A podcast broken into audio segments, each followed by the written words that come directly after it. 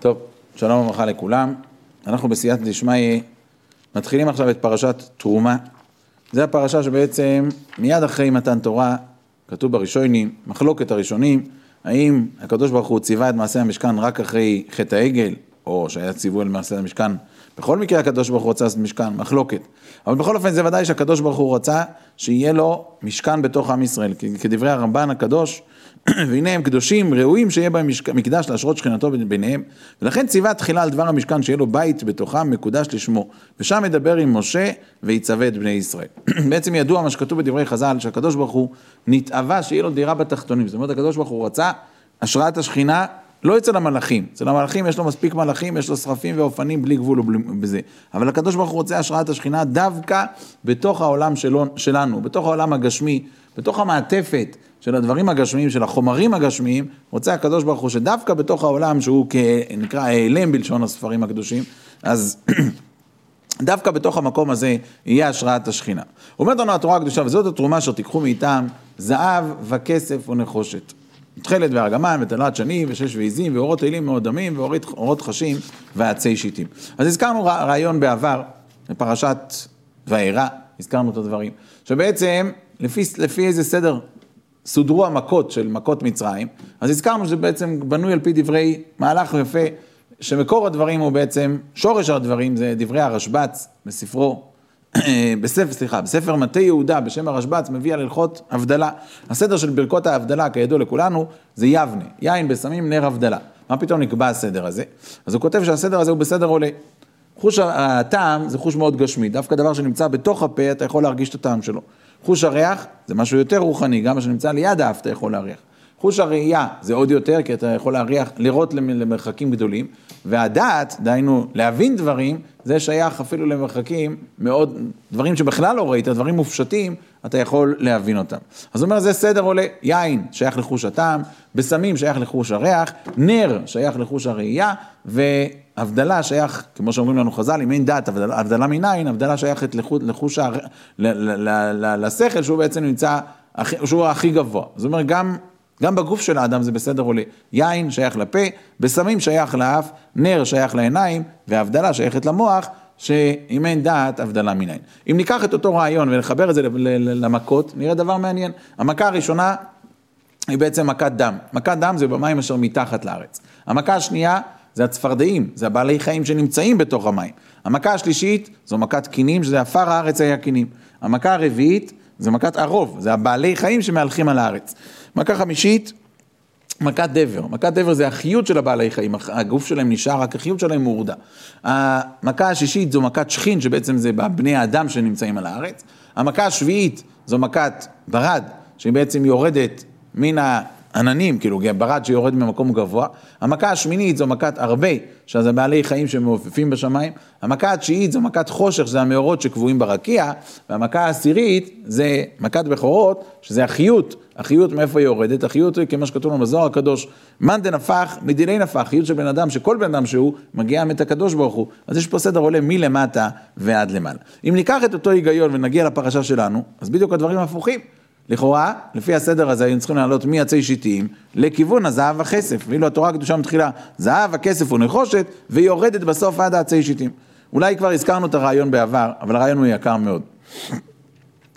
המדד של, דו, של חשיבות של דבר זה לא התוצאה, אלא כמה אתה משקיע בו. בכל אופן, ברוחניות ודאי, המדד זה כמה אתה משקיע בדבר, כמה, כמה עמלת על הדבר, לא מה מבחן התוצאה. ולכן, לקחת זהב ולעשות ממנו בית המקדש, זה יפה, זה חשוב, אבל זה לא כל כך חשוב. אבל לקחת עצי שיטים, עצי שיטים הרי דרשו המון המון השקעה. יעקב אבינו נטע את זה כשעוד היה, במצ... כשירדו למצרים, ואחר כך כש... בני ישראל יצאו ממצרים, לקחו את זה איתם, היו צריכים לעבוד ולנסר וכולי וכולי וכולי. מבחינת עבודה היה פה הרבה יותר עבודה, זה הדבר הכי חשוב. והתורה מעריכה החל מהזהב ועד העצי שיטים, כי מבחינת החשיבות, מבחינת העמל, העצי שיטים הם אלו ש, שמחזיקים הם, יש להם חשיבות הכי גדולה. לא ייתכן שלכן אומרים לנו חז"ל, לפסוק בפרשת השבוע שלנו, ועשית את הקרשים למשכן, עצי שיטים עומדים, אומרים חז"ל, עומדים שעומדים לעולם. כתוב בחז"ל, כתוב בכמה מקומות, שהמשכן, העצים של המשכן לא, יח, לא, לא, לא שלטה בהם שום, אף אחד לא הצליח לשלוט בהם. יכול להיות שזה דווקא מהנקודה הזו, דבר שהלך עם כל כך הרבה עמל, עם כל כך הרבה עבודה, דווקא הדבר הזה הוא זה שהביא את עם ישראל להשראת השכינה מיוחדת. אומרת לנו התורה הקדושה, ועשו לי מקדש ושכנתי בתוכם. צריך לשים לב שהמצווה הזו היא מצווה לא חד פעמית, היא מצווה כלשון הרמב"ם, שהמצווה הזו היא נוהגת לדורות. רק מה? מכיוון שהקדוש ברוך הוא אמר שבית המקדש, מאותו רגע שהגיעו למנוחה ולנחלה, אז אנחנו לא יכולים לבנות בית המקדש במקום אחר, אז בית המקדש, אנחנו חייבים לחכות שיהיה לנו בית המקדש שהקדוש ברוך הוא יבנה אותו, או נגיע לזה בהמשך אולי, מי, מי יבנה את בית המקדש. אבל בכל אופן, דבר אחד ברור, המצווה הזו היא לא מצווה שהיא שייכת לגנזכים, היא שייכת לארונות הספרים, לדון בשאלה האם היה מצווה לבנות ביס המקדוש, או אין מצווה לבנות ביס המקדוש. ודאי שהמצווה הזו היא מצווה שרלוונטית גם אלינו, ועושו לי מקדוש, ושוכנתי בסויכו. אז אם אנחנו לא יכולים לבנות בית המקדש בפועל, מכל כמה וכמה סיבות שיש לנו, אבל דבר אחד אנחנו כן יכולים לעשות, את הדיבור, את הבקשה, את הרצון, את התשוקה, שזה אנחנו כן יכולים להכין את המקום לבית המקדש, להכין את התשתית לבית המקדש, זה אנחנו כן יכולים לעשות. כתוב בחז"ל, כתוב במדרש תנחומה, זהב, הכסף ונחושת, ואורות אלים מאוד דמים. זהב זה מלכות בבל, גלות בבל. כסף זו גלות מדי. המדרש מקביל את זה, קליוקרו מקביל את זה לכל דבר, לכל עניין שהוא. אה, אחר כך נחושת זו מלכות יוון, שהייתה מלכות פחותה. לאחר מכן אורות אלים מאוד דמים זו גלות אדום שבה אנחנו נמצאים, ולאחר מכן הגיע השלב של שמן למאור. שמן למאור, התורה הקדושה בוחרת להשמיע לנו, אומרים לך חז"ל, שמן למאור זה מלך המשיח. זאת אומרת, מלך המשיח מדומה לעניין של שמן למאור. מה העניין? העניין הוא של השמן, התכונה של השמן כידוע לנו, הוא צף מעל הכל. ככה, כשתגיע הגאולה פתאום, כי לדברי האור החיים הקדוש בכמה מקומות, ש... כשיגיע הזמן המקווה, יכבה נר האומות ויישאר מכללם נר ישראל. זאת אומרת, תראה בבת אחת שפתאום הגויים ככה מתחילים לדעוך והנר של עם ישראל יעלה. אני חושב שכל מי שפותח את העיניים רואה שהדברים האלה קורים לנגד עינינו. והקדוש ברוך הוא מלביש את זה בתוך טבע, בתוך הנהגה של העולם הזה, והדברים קורמים עור וגידים לאט, לאט, לאט. עכשיו, כן, יש, יש, כן. עכשיו, בואו נשים לב, התעוררתי לנקודה ממש ממש חשובה. בפרשת השבוע שקראנו בשבוע שעבר, פרשת משפטים, אומרת לנו התורה הקדושה, וחג האסיף בצאת השנה. אז כדוע מה שכתוב בגמרא במסכת ראש שנה, שהחג שהוא נקרא צאת השנה, אז על פי דברי הגמרא פה, על, פי דברי הפסוק פה, זה חג הסוכות, שבו בהוספך את מעשיך מן השדה, הוא עדיין נקרא בצאת השנה. בואו נשים לב לאירוע שאנחנו נמצאים בו. כולנו יודעים שאנחנו נמצאים בתוך, מאז השביעי לאוקטובר, מאז שמחת תורה, אנחנו נמצאים בתוך מצב שעדיין לא נגמר. מה קרה? מה, מה, באיזה, באיזה תאריך זה קורה? כידוע לנו מה שכתוב בדברי חז"ל, במוצאי שביעית בן דוד בא. שנת תשפ"ב הייתה שנת מוצאי שביעית, ובינתיים בן דוד עדיין לא הגיע. ברגע האחרון, שעדיין שייך לשנת תשפ"ב, מתחיל האירוע הזה שאנחנו נמצאים בו. שמחת תורה, שזה היום האחרון של חג האסיף, כמו שכתוב לנו בדברי חז"ל, ששמיני עדיין, למרות שהוא רגל בפני עצמו, עדיין הוא חלק מחג הסוכות. ביום האחרון, על הבוקר של היום הזה, מתחיל האירוע ומתחיל התהליך של נראה שאנחנו מאוד מאוד מקווים שבתוך הבלגן הזה, אנחנו הולכים לצאת לגאולה השלמה, לבניין בית המקדש. אז לא נהיה מחשבי קיצים, אבל בואו נשים לב לדבר מעניין. כתוב לנו בתורה, ועשו לי מקדש ושכנתי בתוכם. מביאים הראשונים, מביא בעל הטורים, מביא רבינו בחיי ועוד, ושכנתי מרמז לשתי בתי מקדשות.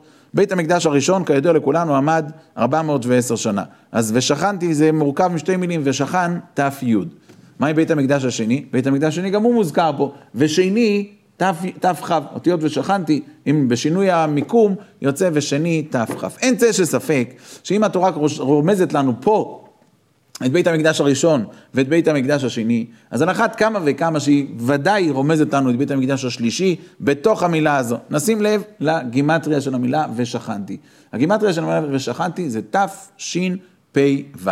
אז אנחנו מאוד מאוד מקווים שבשנת תשפ"ו כבר נהיה במקום של השראת השכינה, של גילוי מלכות השם בעולם, ואנחנו לא רוצים להיות מחשבי קיצים ולומר שעד אז לא, רחמנא ליצלן, מקווים שבכל רגע נתון זה יבוא, אבל בכל אופן יש איזשהו עניין מסוים בזמן הזה, ואנחנו מאוד מאוד מקווים שאנחנו מתקרבים לשם, אבל לפני זה, והתשתית שלנו, התפקיד שלנו במצב הזה, זה שמן למאור. זאת אומרת, להעלות ולהאיר בתוך כל אחד ואחד מאיתנו את הידיעה הזו, שאנחנו, כן, בתוך 2024, בתוך המקומות, כל אחד איפה שהוא נמצא, יכולים להביא את השראת השכינה, כי הקדוש ברוך הוא רוצה שהשראת השכינה תהיה דווקא בתוך העולם שלנו. אז התפקיד שלנו עכשיו בזמן הזה, זה פשוט לעשות דבר אחד ויחיד, לפתוח את הפה. אחר ישובו בני ישראל, וביקשו את אדוני אלוהיהם, ויש דוד מלקום, ופוחדו אל אדוני ואל טובי באחיס היום. זה יקרה, זה פסוק שאנחנו אומרים את זה כל יום, כל, כל חודש בקידוש לבנה, ויקוים בנו מקרא שכתוב, וביקשו את השם אלוקיהם ודוד מלכם. מה זה יקוים בנו? זה יקרה,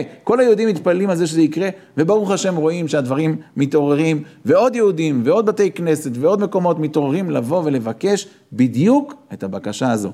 מלכוס שמיים, מלכוס בייס דוד, ובניין בייס המקדש. בשורות טובות, הצלחה וברכה.